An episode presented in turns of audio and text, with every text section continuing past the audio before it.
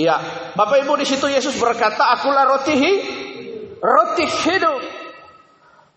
Jadi dengan berkata dia berkata dia adalah roti hidup artinya bahwa dia adalah penopang dari kehidupan sustainer of life Bapak Ibu. Jadi ada yang menopang segala sesuatu. Bapak Ibu salah satu dari seluruh kebutuhan manusia adalah manusia harus makan Bapak Ibu. Untuk urusan jasmani ini. Karena itu dalam Yohanes Injil Yohanes ini pasal yang ke-6 ayat 35 menjelaskan bahwa dia adalah roti yang hidup. Manusia tidak saja membutuhkan makanan jasmani, makan nasi dan lain empat sehat lima sempurna. Itulah sebabnya ada kebutuhan yang lain, the hunger of the humankind. Ada kelaparan yang lain, yaitu kelaparan rohani. Itulah sebabnya Bapak Ibu yang dikasihi oleh Tuhan dalam Matius pasal yang kelima, the sermon in the Mount of Olive. Khotbah berbahagia di atas bukit Zaitun. Yesus berkata bahwa berbahagialah orang yang lapar dan haus akan kebe kebenaran mereka akan dipuaskan. Nah, kata berbahagia orang yang lapar dan haus akan kebenaran. Itu bahasa Inggrisnya bilang itu orang yang miskin. Miskin itu bukan miskin harta ya, enggak. Tapi rohaninya kering. Ada orang yang lapar. Itulah dalam bagian lain kitab Mazmur ada orang yang mencari-cari Tuhan, hunger to God. Ya, thirsty to God. Bapak Ibu yang dirahmati oleh kasih karunia, jadi roti hidup berbicara dan bukan saja tentang makanan jasmani. Karena itu Bapak Ibu dan anak-anak perhatikan di dalam Matius pasal yang keempat, when Jesus facing Satan, ketika Yesus bertemu dengan setan, mereka beradu argumentasi di situ, bahkan setan dikalahkan di situ. Perkataan pertama adalah jika engkau anak Allah, jadikanlah batu-batu ini menjadi roh, menjadi roti. Tetapi apa jawab? Yesus di situ Bapak Ibu yang dirahmati oleh kasih karunia. Yesus berkata di situ bahwa manusia hidup bukan saja dari roti, tetapi dari setiap firman yang keluar dari mulut Allah. Every single word of God that come out from the mouth of Jesus. Bapak Ibu perhatikan from God. Perhatikan dengan baik di situ. Jadi Yesus berkata, "Aku adalah roti hidup." Karena itu kita tidak perlu takut, Bapak Ibu. Secara jasmani, kita tahu pemeliharaan Allah yang kita kenal dengan istilah providensial. Jangan takut, Bapak Ibu. When God creates the world, Bapak Ibu perhatikan kosong, gelap gulita. There's no nothing. Tidak ada apa-apa di situ, kosong. Tapi firman Allah mengkema Elohim asa amar. Tuhan mencipta. Keluar perkataan Allah memberi hidup. Jadilah terang, di light. Maka dari situlah ada keteraturan. Nanti kita masuk pada poin yang berikut tentang the light of God. Bapak Ibu lihat di situ. Dia memberi makan 5000 orang. Ini menegaskan bagi kita tentang providensi Allah. Pemeliharaan Allah, pemeliharaan Allah jauh melampaui otak kita yang sebesar telapak buah apel ini telun kepala tangan ini. Nah sering kali kan otak kita itu mengkerdilkan Allah dalam sebuah kotak yang namanya kemustahilan. Mustahilan itu selalu menjadi bahasa manusia. Selalu menjadi bahasa kita tidak mungkin. Kalau Anda pernah nonton film Mission Impossible, misi-misi yang tidak mustahil, yang sangat tidak mungkin dilakukan oleh orang itu bisa dilakukan. Bagi Allah, kalimat bagi Allah tidak ada yang mustahil. Possible itu selalu menjadi bagian. Yang yang, yang tidak mungkin bagi manusia, mungkin bagi Allah. Karena ini kita harus yakin providensi Allah, pemeliharaan Allah jauh atas kita.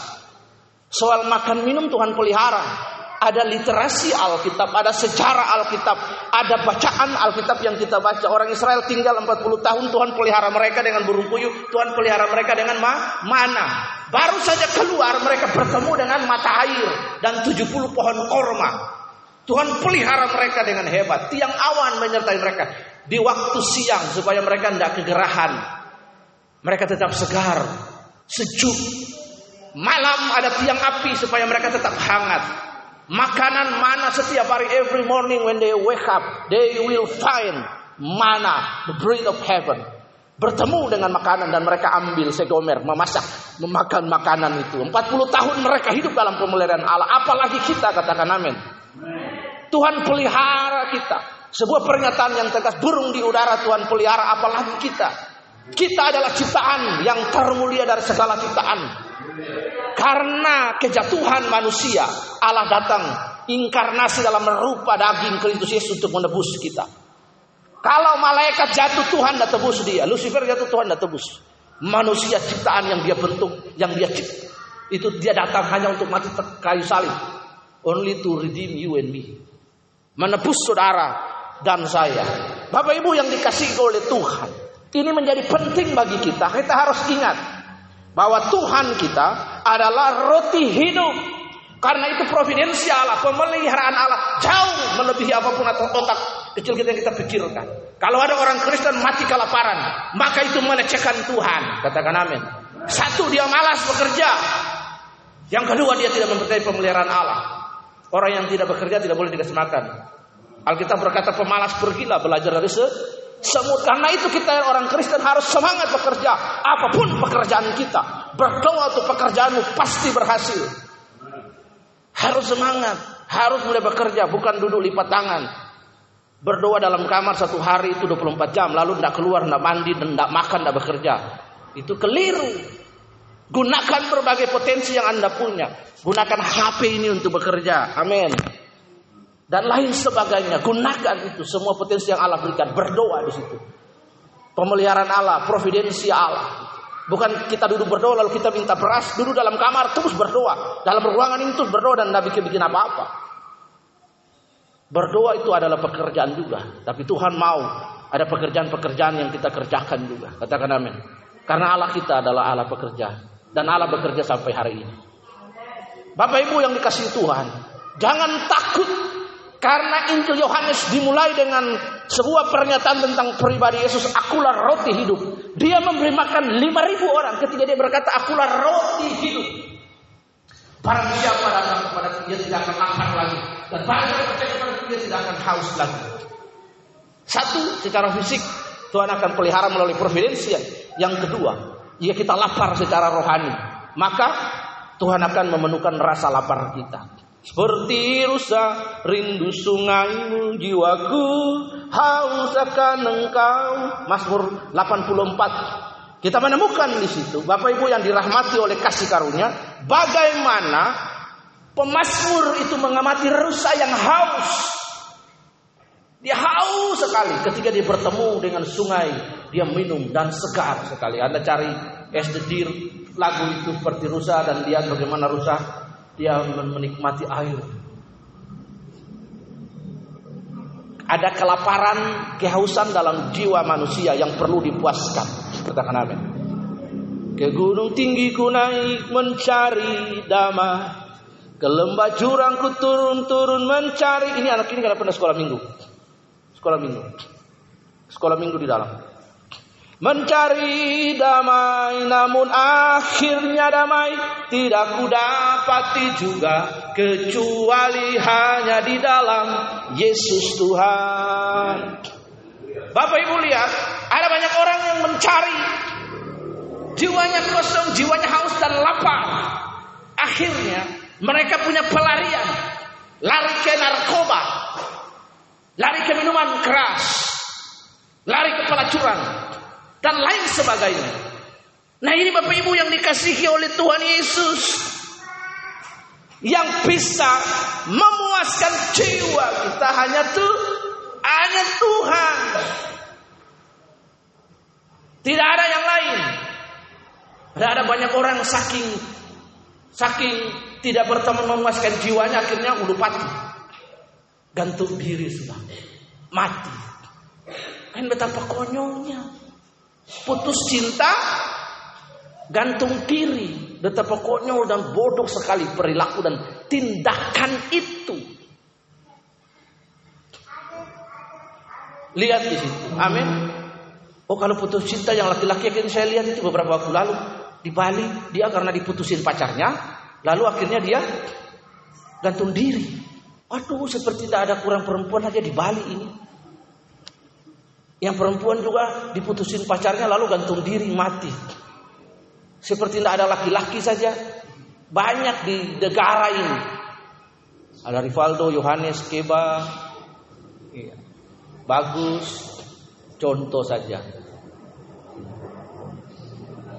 Yang dapat memuaskan jiwa kita itu Tuhan, katakan Nabi.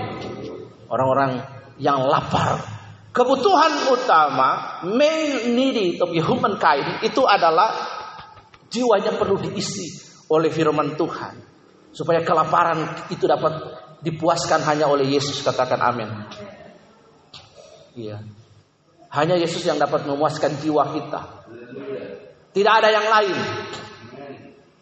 Karena itu penting. Yang paling penting itu jiwa. Kalau di sini sudah tidak diisi dengan firman, diisi dengan firman, ah siap-siap sudah. Kau pergi ke Bangli, ya di Bangli di, di sana. Dan jangan dipikir orang di Bangli itu bahagia semua.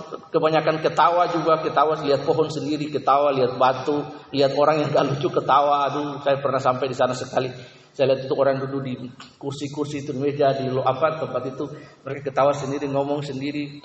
Waduh, lama-lama kalau saya di sini saya saya ikut ketawa juga lihat mereka. Ya. Nah, itu. jadi jangan ya, Bapak Ibu. Yohanes membuka Injil dengan pernyataan roti hidup, bread of life. Jangan takut. Karena dia ngomong dia roti hidup, dia kasih makan 5000 orang, katakan amin. Ada orang yang lapar dan haus akan kebenaran dipuaskan oleh firman, oleh dia. Ini yang penting. Yang kedua, kita buka dalam Yohanes 8 ayat 12. Yohanes 8 ayat yang Maka Yesus berkata pula kepada orang banyak, katanya akulah terang dunia. Barang siapa mengikut aku, ya tidak akan berjalan dalam kegelap, melainkan dia akan mempunyai terang hidup. Bapak Ibu perhatikan buka Alkitab Bapak Ibu bagian depan sekali kejadian pasal 1 ayat 1 di situ. Gelap gulita menutupi samudra raya. Bapak Ibu gelap berbicara tentang kejadian pasal 1 di pertama sekali Alkitab. Bapak Ibu lihat di situ. Kegelapan berbicara tentang ketidakaturan. Ketidakaturan tidak ada kehidupan. Hopeless. Tidak ada harapan. Jadi, ketika Tuhan menciptakan bumi dan segala isinya, dia mulai dengan kalimat terang di situ. Jadilah terang. Terang itu membuat ada kehidupan gitu. Amin. Kalau seseorang punya jiwanya gelap, perhatikan ini analogi saja, analogi sederhana, analogi sederhana supaya kita paham. Seringkali kan orang kalau mau bunuh orang atau ada pertengkaran lalu dia ambil tanpa sengaja ambil parang belakas lalu kaplok orang kan nanti setelah itu ada polisi lapor karena gelap mah gelap mata. Ah, perhatikan. Orang pacaran sembarangan, hubungannya hubungan gelap. Di tempat gelap, anaknya anak kasih hubungan gelap. Berarti keluarganya keluarga gelap, di bapak gelap, di nenek gelap, di panak gelap. Semua gelap. Namanya pan gelap. Amin. Semua gelap karena gelap mata. Itulah sebabnya Bapak Ibu pernikahan Kristen itu harus didoakan dulu. Baru. Tuhan memberkati mereka dan memberikan firman beranak cucu. Amin.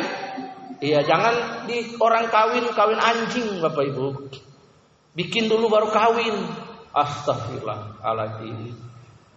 Tidak boleh. Amin. Nah, itu contoh yang dari gelap kita kembali lagi. Lihat di sini Tuhan berkata jadilah terang. Ini menjelaskan bahwa pribadi yang menjelaskan misteri hidup dan menyelesaikan. Seringkali kita menemukan hal-hal yang gelap dalam hidup kita. Semua kita punya masa lalu yang gelap, tapi when we meet with Christ Jesus, ketika kita bertemu dengan terang itu, maka terang itu bercahaya dalam hidup kita. Yesus itu firmannya menerangi hidup kita. Karena orang yang bertemu dengan kebenaran akan dimerdekakan. Perhatikan, itu kemarin ada istilah lucu ketika saya kalau tidak salah duduk sama Bagus apa Rivaldo apa Markus. Terus kita lihat Sudi. Sudi satu bulan pulang itu Dia di sini wajahnya cerah, cemerlang. Ya. Tapi setelah dia pulang ke kampung sana, satu bulan dia tinggal, dia balik itu, rambutnya sudah gaya tintin itu, mukanya sudah kusam. Ya, setelah balik ke sini lagi, satu berapa hari cerah lagi. Orang kalau ada Yesus dalam hidupnya pasti mukanya bercahaya, penuh kemuliaan.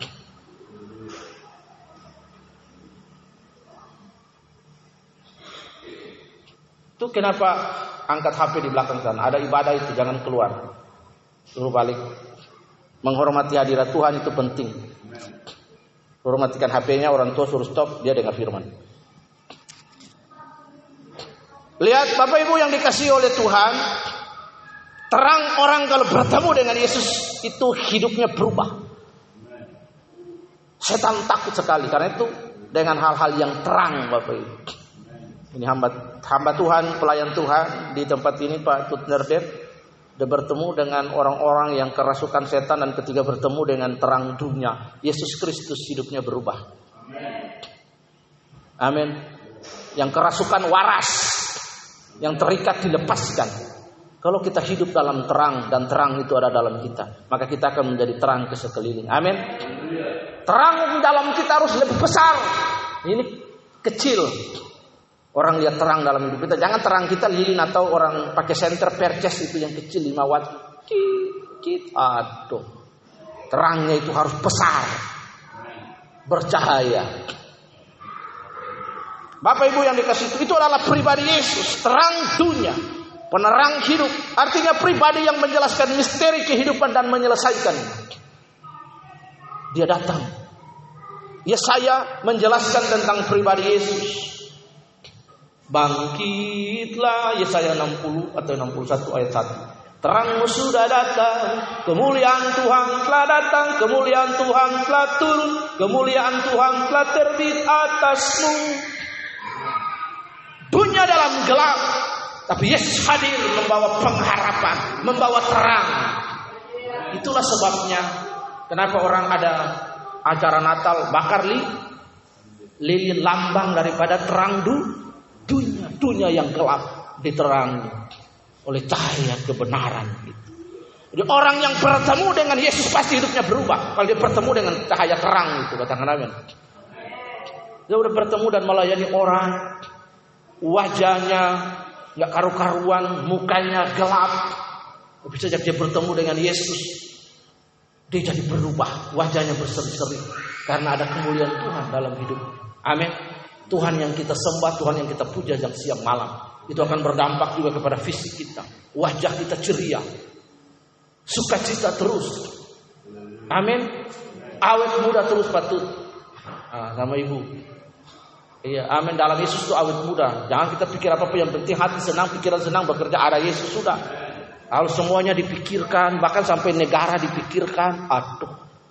Cepat tua. Amin. Lihat Bapak Ibu. Jadi orang yang bertemu dengan Yesus adalah terang dunia. Yang ketiga, kita lihat pribadi Yesus yang ketiga. Yohanes 10 ayat 7.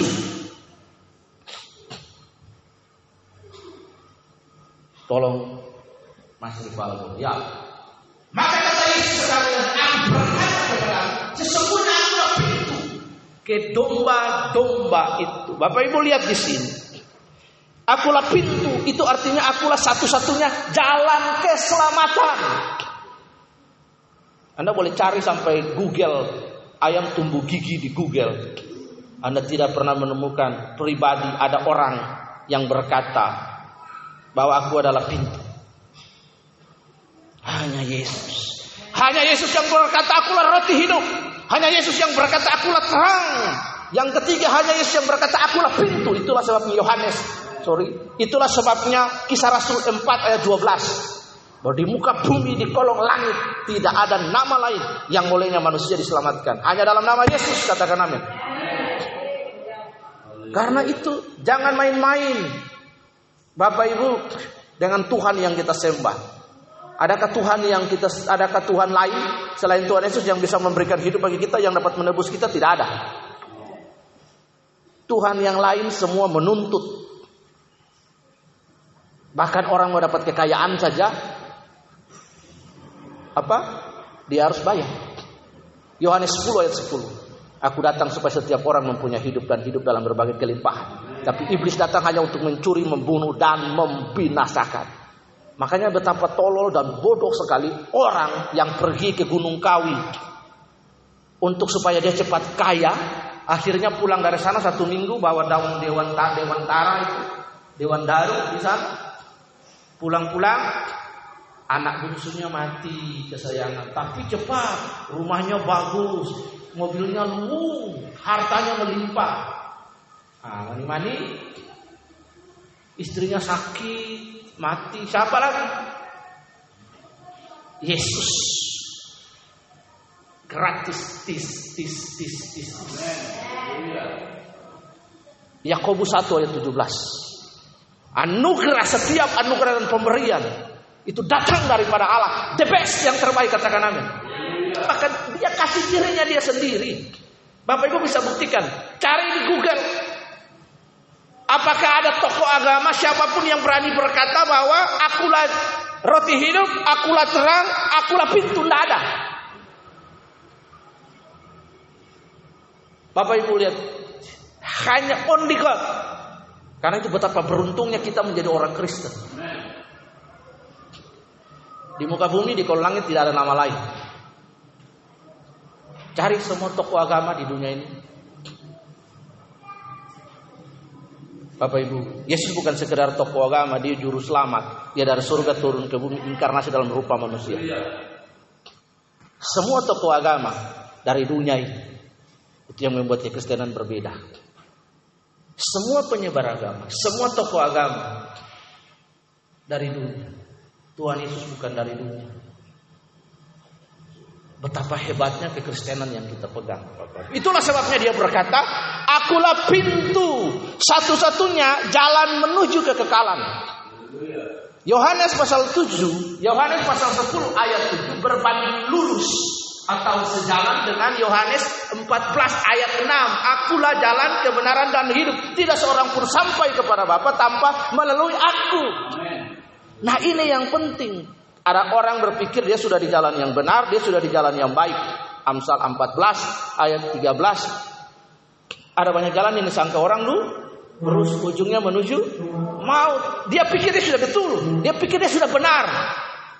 Padahal dia keliru. Yohanes 8:30 berkata, "If you know about the truth, the truth shall make you free." Jika kamu bertemu dengan kebenaran, kebenaran itu akan memerdekakan kamu.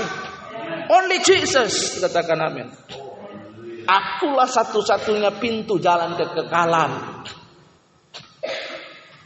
Kalau kita benar-benar membawa diri kita bertemu dengan pribadi Yesus, kita akan berjumpa dengan kebenaran dan akan dimerdekakan. Kebenaran itu kan menurut versi ilmu pengetahuan, ya. Bapak Ibu lihat ada banyak orang yang membuat gagasan tentang kebenaran. Ilmu tentang pengetahuan, epistemologinya itu kalimat kebenaran, truth ditaruh di situ. Di belakang kalimat itu ada definisi. Anda cari di kamus yang sering menjadi rujukan para scholars itu adalah Merriam Webster. Kata true lalu etimologi katanya lalu arti kata di belakang. Kekristenan itu tidak membutuhkan definisi kebenaran. Karena kekristenan mengenal kebenaran itu adalah pribadi Yesus. Kebenaran di luar Kristen itu orang berretorika dengan pikiran. Siapa itu kebenaran? Lalu seperangkat gagasan. Manusia harus hidup begini, begini, begini. Enggak. Kekristenan itu adalah kebenaran menurut kekristenan adalah pribadi Yesus. Jadi manusia Kristen kita dapat berelasi dengan kebenaran, bertemu dengan kebenaran, belajar dari kebenaran, kata-kata sang kebenaran, tindakan sang kebenaran, perilaku hidup sang kebenaran. Ah itu. Nah, saya nggak suka orang terlalu banyak ngeles. Kalau salah salah. Ya saya salah, terima kasih. Itu selesai. Kalau orang banyak ngeles, itu masalah nggak selesai. Membela diri namanya.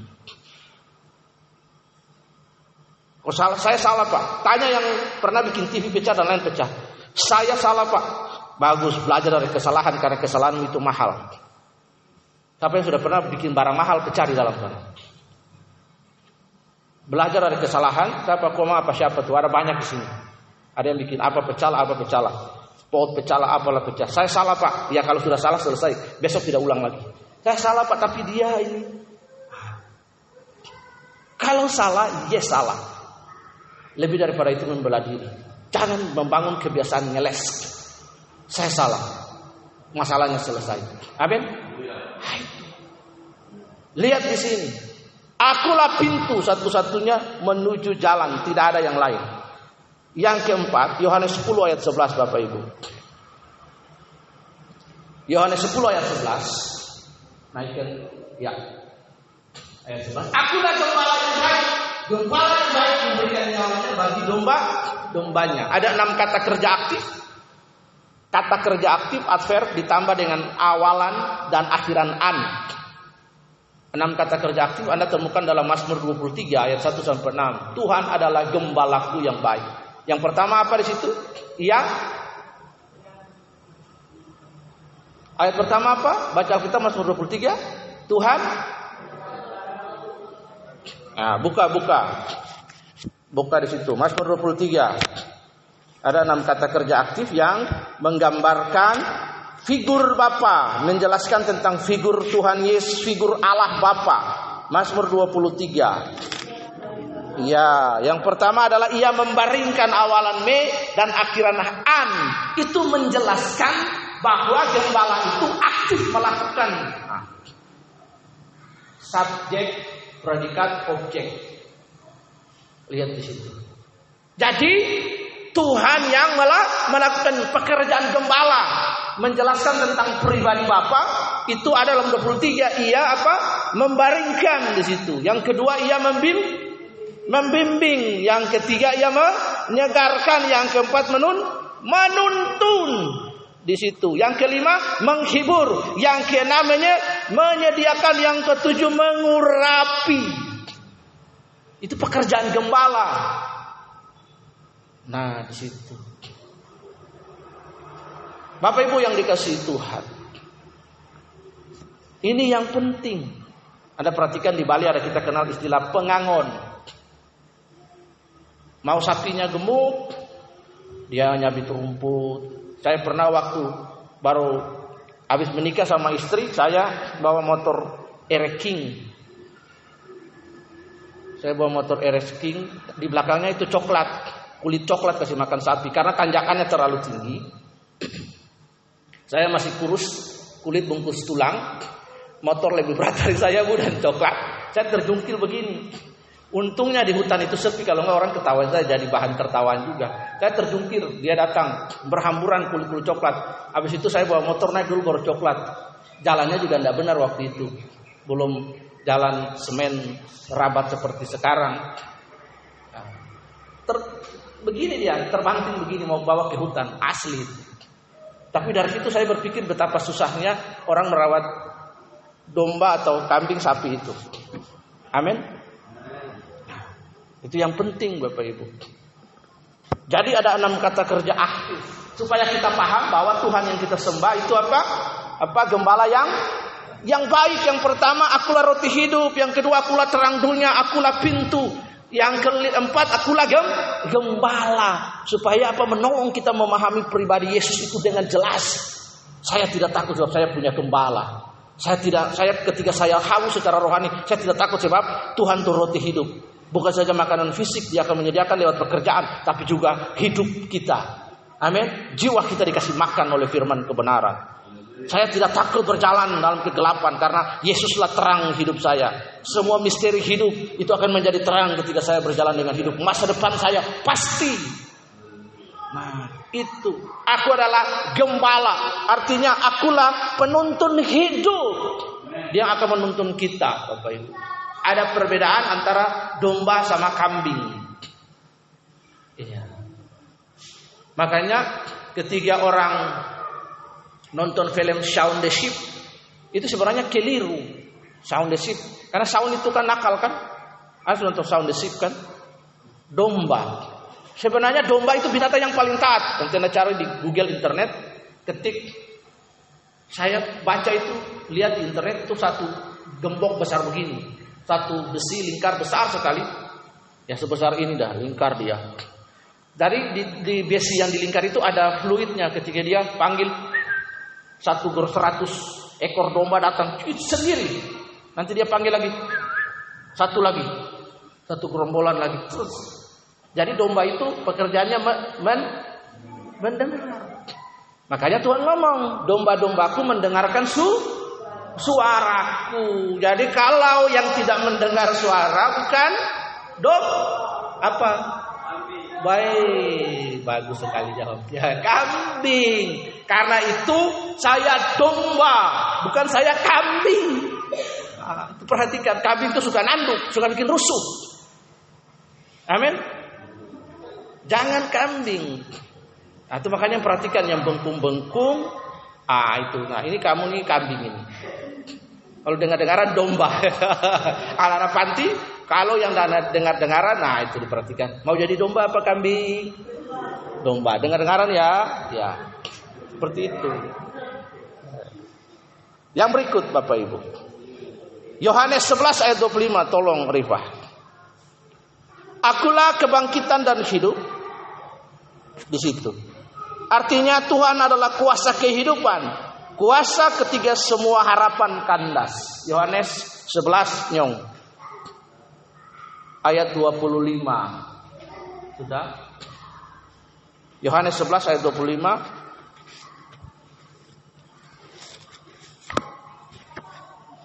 Ya. Jawab Yesus, akulah kebangkitan dan hidup. Barang siapa percaya kepadaku, ia akan hidup walaupun ia sudah sudah mati. Makna rohaninya adalah Bapak Ibu bahwa dialah kuasa kehidupan, kuasa ketiga semua harapan kandas. Bapak Ibu, Bapak Ibu perhatikan. Salah satu bentuk ketakutan yang terbesar manusia adalah takut ma takut mati.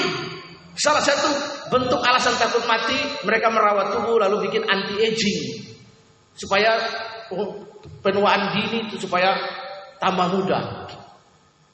Sebenarnya tidak pakai anti aging juga tetap akan mati kok. Amin. Semua kita akan meninggal pasti itu kepastian. Tetapi di sini firman Tuhan berkata bahwa akulah kebangkitan yang hidup. Bahwa ketika kita mati pasti kita yakin bersama dengan Yesus ada rumah Bapa bagi kita. Amin. Semua di luar kekristenan semua orang berhenti sampai di kuburan.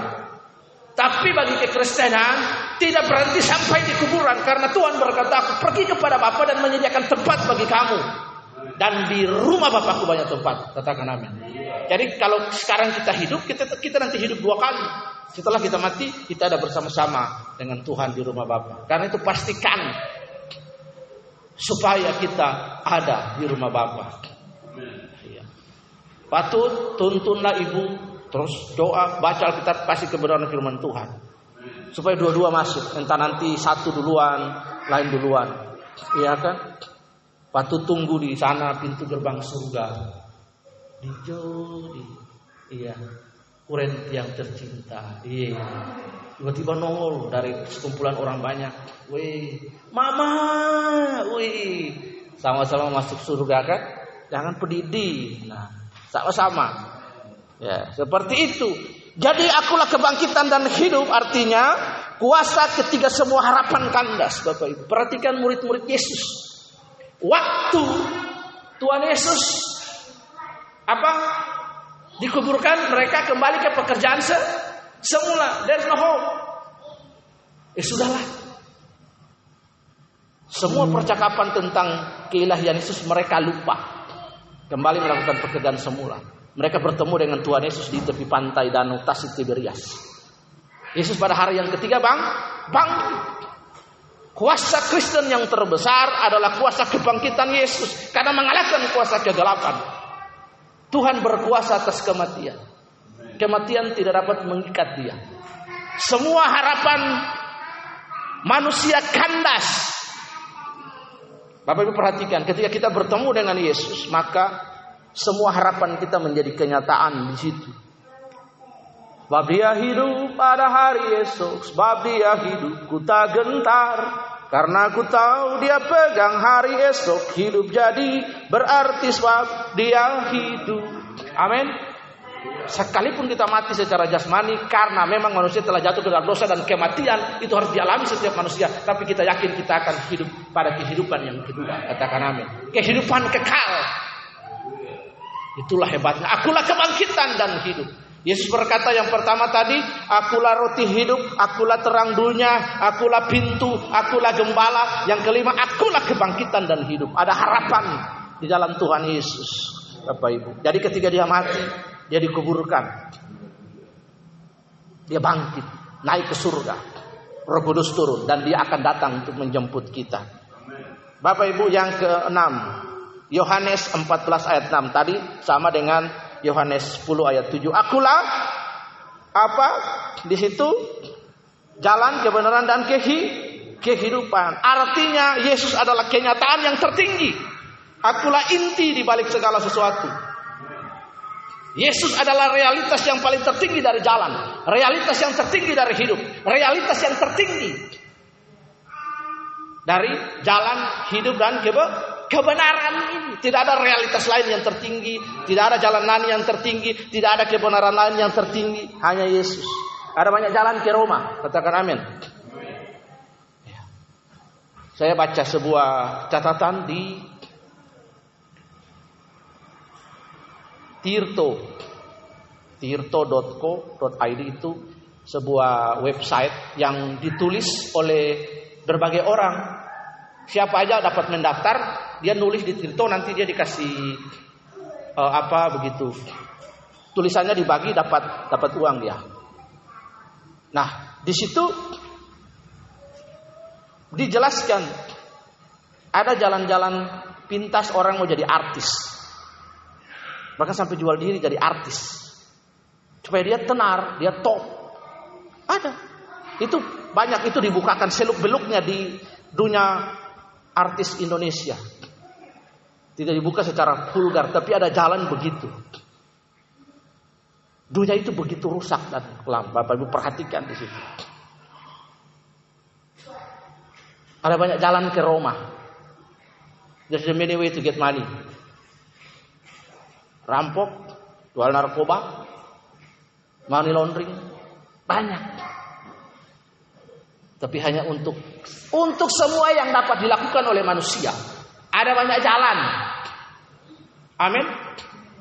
Bahkan untuk mendapatkan cinta pun apa dukun ber, beraksi, cinta ditolak, dukun beraksi. Bapak Ibu lihat, tapi untuk urusan keselamatan only Jesus katakan amin. Hanya satu. Amin. Bapak Ibu yang dikasih Tuhan. Ini yang penting. Akulah kenyataan yang tertinggi. Akulah inti di balik segala sesuatu. Yesus kenyataan tertinggi dari jalan. Ada banyak jalan lain. Hanya Yesus jalan kebenaran. Ada hidup yang hanya Yesus hidup. Ada kebenaran yang lain. Yesus satu-satunya kebenaran. Yang berikut yang terakhir. Sungguh-sungguh terakhir. Yohanes 15 ayat 5. Ini bacaan yang paling terkenal. Di situ akulah yang membuat segalanya menghasilkan buah, menjadi sumber dari segala identitas dan perjamuan kita. Akulah pokok anggur dan kamulah ranting-rantingnya. Barang siapa tinggal dalam aku dan aku di dalam dia, yang berbuah banyak. Sebab di luar aku, kamu tidak berbuat apa-apa. Identitas pribadi yang terakhir ini bahwa kalau Yesus tinggal dalam kita, maka kita dapat berbuah banyak. Ayat ini selaras, sejalan, semakna, seirama, cocok dengan Matius pasal 6 ayat 33. Apa firman Tuhan bilang di situ? Matius 6 ayat 33. Bahwa carilah dahulu kerajaan Allah dan kebe kebenaran so everything will be added into your life. Semua akan ditambahkan dalam hidupmu. Apa kata ulangan 28? Jika engkau baik-baik mendengarkan suara Tuhan alamu dan dengan setia melakukan apa yang kuperintahkan kepadamu, maka segala berkat ini akan mengikuti engkau. All the blessing will follow you. Jadi kita tidak usah cari berkat. Katakan amin. Pekerjaan kita, apa yang Tuhan kasih hari ini pekerjaan, lakukan pekerjaanmu. Berdoalah untuk pekerjaanmu. Setia Yesus, ikut Tuhan. Maka berkat itu akan datang dalam pekerjaan-pekerjaanmu. Jangan kita susah-susah cari berkat. Aduh. Berkat tidak usah dicari. Berkat ikut saya katakan. Berkat-berkat akan mengikuti kehidupan saya. Kalau saya takut Tuhan. Berkat-berkat akan hadir dalam pekerjaan-pekerjaan yang saya kerjakan. Bertani, beternak, berjualan, apa pun. Amin. Nah ini yang penting. Sekarang ibu mulai dengan motor. Hari ini setia. Besok mobil. Katakan amin. Tidak ada yang mustahil. Kita harus amin. Kita bilang amin kita tidak bayar kok. Amin. Kalau bilang amin itu bayar baru. Kita takut bilang amin. Suatu saat kita punya mimpi. Saya akan bisnis jualan mobil. Harus punya dream, punya mimpi. Amin. Mimpi juga gratis. Mimpi tidak bayar. Ya amin. Suatu saat dengan motor dulu. Naik ke motor. Besok-besok berani. Ada mobil second. Ambil jual ini di situ. Yang penting Bapak Ibu. Jadi akulah yang membuat segala sesuatu yang menghasilkan buah. Dia sumber dari pertumbuhan. Jadi orang Kristen harus bertumbuh secara rohani dalam pengeringan, bertumbuh dalam paradigma. Grow up, increase in your understanding. Dalam pikiran, dalam pemahaman kita. Amin. Jangan terus jadi orang Kristen tobat kumat. Hari ini tobat, besok kumat lagi kumat-kumatan ya. Ya. Di situ. Orang Kristen yang menghasilkan buah hari ini rankingnya berapa? 10, besok naik lagi.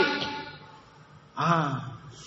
Kemarin lari ranking dapat juara 6, besok 3 4 5. Ini Markus makanya saya harus konseling dia ini. Makan madu, minum telur, makan madu, minum telur. Lari kok ada apa ini? Apa yang dipikirkan? Hah? Ada apa dengan cinta? Iya. Ada apa dengan Betty Markus? Kamu ada masalah dengan Betty kok? Ah, itu makan madu, minum telur, ya istirahat, tidur. Ini Yulis yang mukanya lihat lepu-lepu dah. Lari dapat juara enam dapat uang dua ratus ribu lagi. Wih, padahal saya lihat Yohan Yulis tidak menjanjikan. Iya, aduh. Mau belajar olahraga nih sama Kak nih. SMP, SMA, Mang juara provinsi. Makanya siteng linggisnya saja saya tidak bisa angkat linggisnya itu tiga kilo itu linggisnya itu besar begini linggisnya aduh capek nih ya. Ada apa dengan Markus ini? Atau kau pikiran kah? Atau ada masalah dengan Betty kok ya dari itu Bapak Ibu. Jadi dari tujuh hal tadi kita ingat ya, Yesus itu roti hidup. Yesus terang dunia, Yesus adalah pintu, Yesus adalah gembala, Yesus adalah kebangkitan. Yesus adalah jalan kebenaran hidup dan Yesus membuat segala sesuatu menghasilkan sumber dari segala yang membuat pertumbuhan. Dengan demikian, maka pertanyaan apa Yesus terjawab? Kapan Yesus dapat menolong hidup saya setiap saat? Siapa itu Yesus? Dia adalah jalan, dia adalah kebenaran, dia adalah kehidupan. Mengapa harus kita kepada pribadi Yesus? Karena tidak ada cara yang lain. Only Jesus. Dan kapan? Anytime. Setiap saat kita dapat datang dan mengalami perjumpaan dengan pribadi Yesus. Mari kita berdoa. Tuhan Yesus Bapa kami yang dalam kerajaan surga.